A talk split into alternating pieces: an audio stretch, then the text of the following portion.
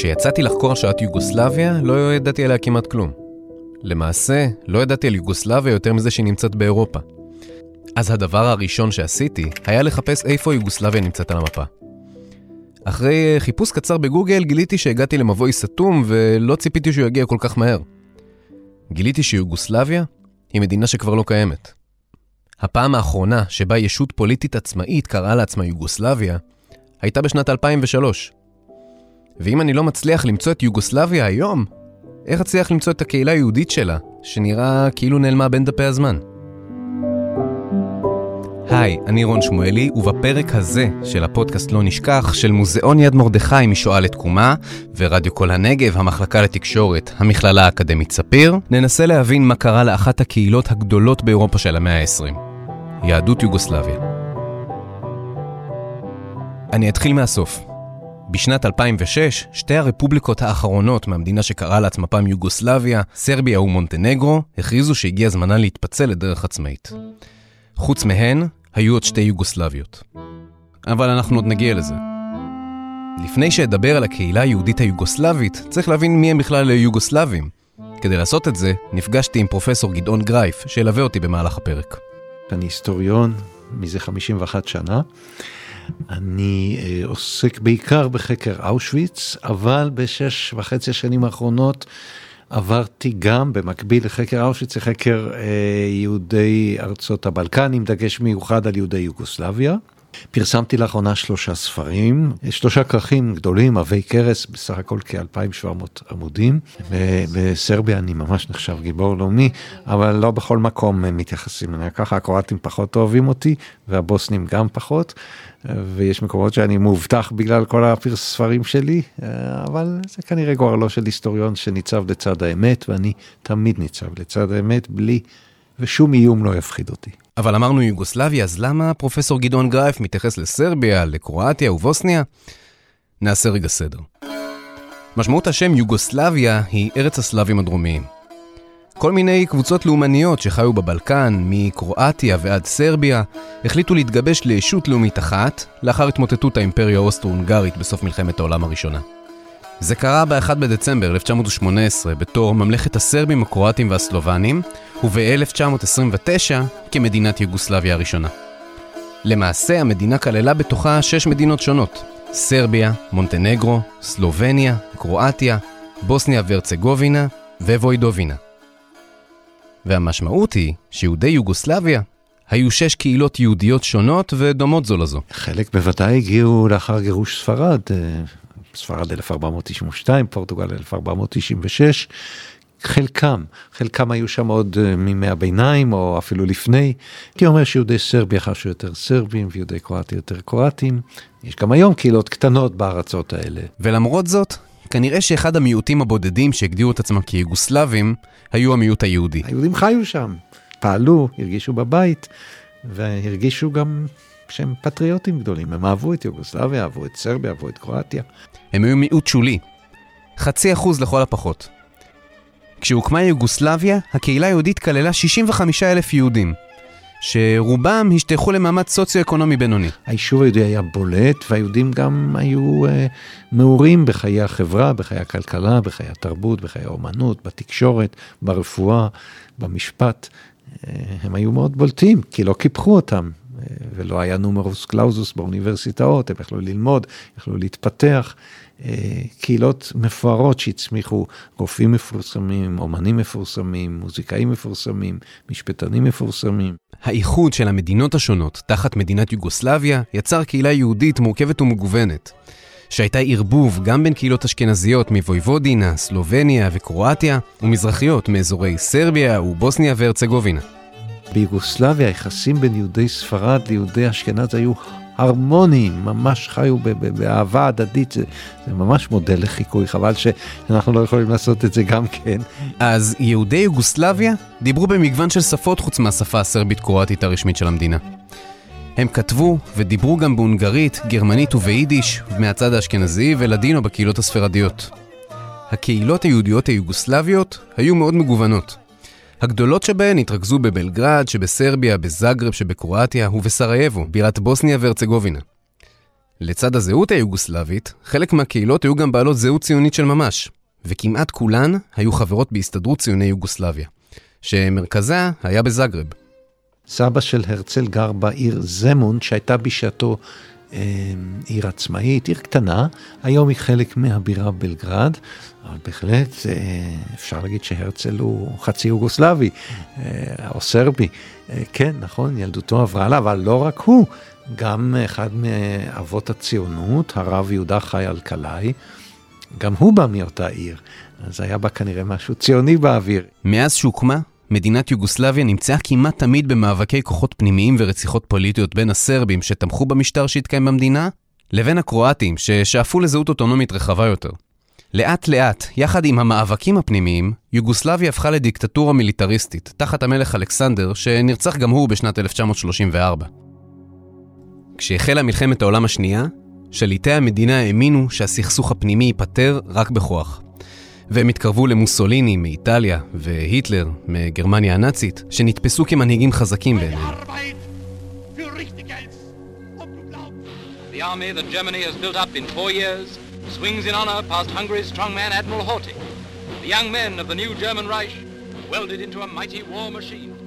בעקבות השפעותיה של גרמניה הנאצית, בחמישה באוקטובר 1940 חוקק חוק הנומרוס קלאוזוס, שזה חוק שנועד להגביל את כמות הסטודנטים באוניברסיטאות. אחר כך החלו להופיע סימני תעמולה אנטישמית בעיתוני המדינה, והשאר כבר סיפור ידוע.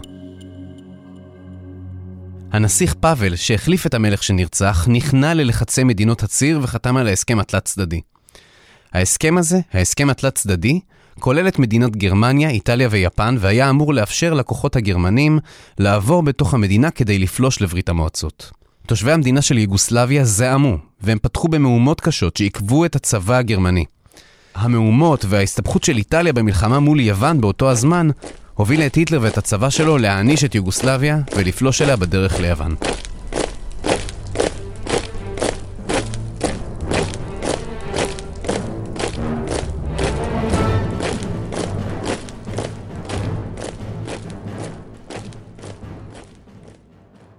בשישה באפריל 1941, ערב הפלישה ליוגוסלביה על ידי הכוחות הנאצים, חיו בגבולות הממלכה בין 80 ל-82 אלף יהודים.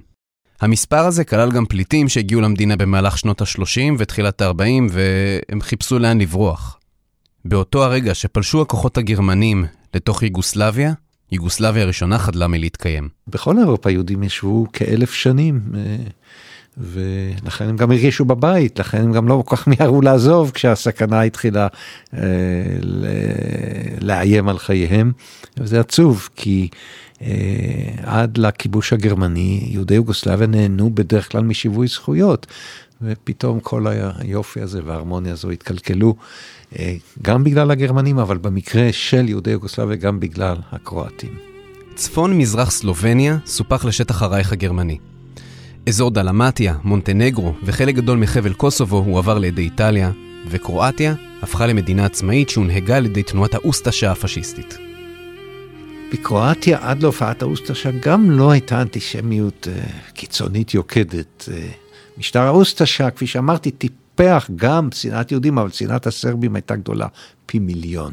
גם את זה אסור לשכוח. שנאת היהודים איכשהו, לרוע מזלם של היהודים, נכנסה כחלק מה, מהאתנן, הייתי אומר, לגרמנים, אבל היא לא הייתה... אה, משהו בסיסי בהשקפת העולם הקרואטית. בהתחלה, קרואטיה נקראה המדינה העצמאית של קרואטיה. ועבור 40 אלף יהודים קרואטים, המציאות שהכירו הפכה את פניה למציאות אלימה וחשוכה. השלטון החדש חידד את מסריו והפך אותם למסרים גזעניים נאצים. הם התנגדו לזהות היוגוסלבית, ושנאו את הקומוניסטים והליברלים, וכמובן, גם את היהודים.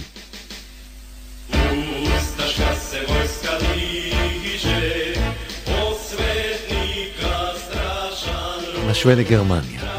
גרמניה עד 1933, רפובליקת ויימאר, היהודים חיו בה בצורה סבירה, אפילו יותר מסבירה. הזדהו עם המדינה, התפתחו בה, הגיעו להישגים אדירים. כיוון שגרמניה, שעל גרמניה השתלטה תנועה קיצונית, גזענית, התנועה הנציונל סוציאליסטית הידועה כתנועה הנאצית. וסחפה אחריה בכל מיני שיטות, שטיפת מוח ו- וטרור ו- ו- ו- ו- ורצח אה, עם שלם, אומה שלמה.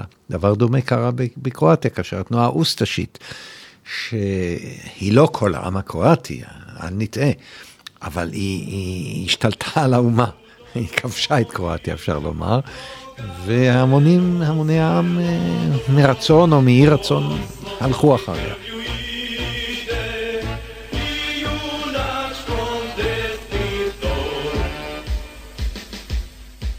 הרכוש של יהודי קרואטיה נבזז על ידי שלטונות האוסטשה והם שלחו אותם לעבודות פרך וחייבו את היהודים לענות לי צהוב, בכל גיל. מרגע הכיבוש החל מצוד אחר יהודי קרואטיה ותחילה נשלחו לשלושה מחנות ריכוז מרכזיים דניצה, ידובונו ופג. במחנות האלו, היהודים היו מיעוט, ורוב הקורבנות היו מתנגדי משטר, צוענים וסרבים. שלושת המחנות האלו חוסלו בקיץ 1941.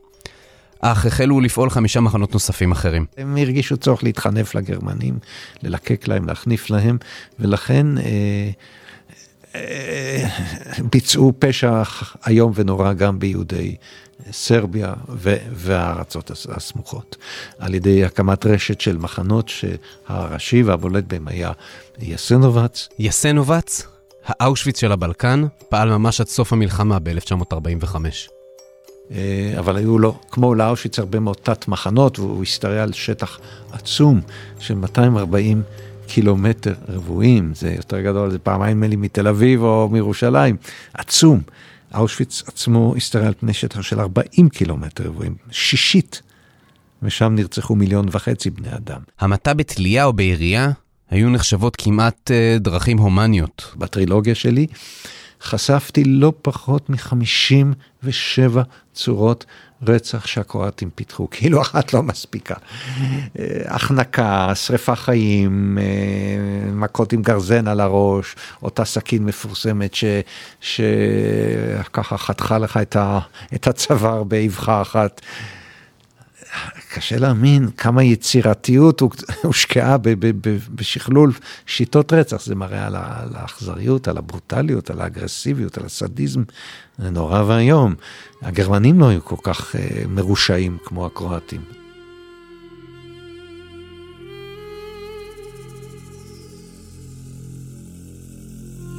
במחנה נרצחו 30 אלף יהודים בידי הקרואטים, שהם 75% מהקהילה היהודית במדינה.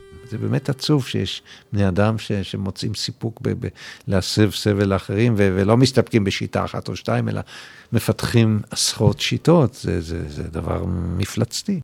בסרביה, גורל היהודים לא היה הרבה יותר טוב. הסרבים, דווקא לאורך כל ההיסטוריה, היו בדרך כלל אוהבי יהודים, אוהדי יהודים. אני רוצה להזכיר פה למאזיני הפודקאסט הזה, שהמדינה הראשונה שהכירה בהצהרת בלפור הייתה סרביה. ולסרבים אין מסורת אנטישמית. 16 אלף יהודי סרביה נכנסו למדיניות חדשה של טרור מהיר ויסודי. עם הכיבוש הגרמני, נרשמו יהודי סרביה בתיק אישי במשטרה לענייני יהודים, ויחד עם הרישום קיבלו גם את הטלאי הצהוב. הם פוטרו מהמשרות הציבוריות, וכשהחל המרד היוגוסלבי ביולי 1941, מצבם של היהודים רק הלך והחמיר. את המרד הזה הנהיג יוסף ברוז טיטו, שהיה המזכיר של המפלגה הקומוניסטית היוגוסלבית מ-1937. טיטו, יליד קרואטיה, הנהיג את קבוצת הפרטיזנים צבא השחרור העממי של יוגוסלביה, ונלחם למען עצמאות מדינתו נגד גרמניה, אך גם נגד הקרואטים ומשטר האוסטשה, ובכל דרך שניתן לדמיין. חבלה, מתקפה, שחרור אזורים, אה, פעולות קומנדו, פיצוץ רכבות, כל מה שעושה פרטיזן, להילחם באויב, למרר לו את החיים. המרד של הפרטיזנים התנהל בכל רחבי יוגוסלביה. הוא כלל בשיאו 600 אלף לוחמים. הלוחמים והלוחמות הצליחו להביא להשמדתם של 100 דיוויזיות מצבא הוורמאכט, והיהודים, שיחסו של טיטו אליהם היה טוב, לקחו חלק פעיל בלחימה. סגנו של טיטו היה משה אה, פיאדה, אה, שנחשב לגיבור לאומי עד היום. אה, פוליטיקאי, עיתונאי, מהפכן יהודי ממוצא סרבי, גיבור לאומי. משה פיאדה. באמת, הוא מונצח ברחבי סרביה, אולי גם באזור, לא הייתי בקרואטיה, לא הייתי אף פעם, אבל בוודאי בארצות אחרות, כיאה לפעולות האמיצות והנועזות שהוא עשה. וגם נשים יהודיות, גם על זה צריך לדבר. נשים יהודיות ביוגוסלביות היו מאוד אמיצות. 1,300 יהודים ויהודיות נהרגו בשורות הפרטיזנים של טיטו. מאזן הכוחות השתפר לטובתם כאשר בעלות הברית נתנו את תמיכתן לכוחות הפרטיזנים בשנת 1944, ועד סוף 1945 הובסו הכוחות הגרמנים, וטיטו איחד את יוגוסלביה בפעם השנייה והשליט בדיקטטורה.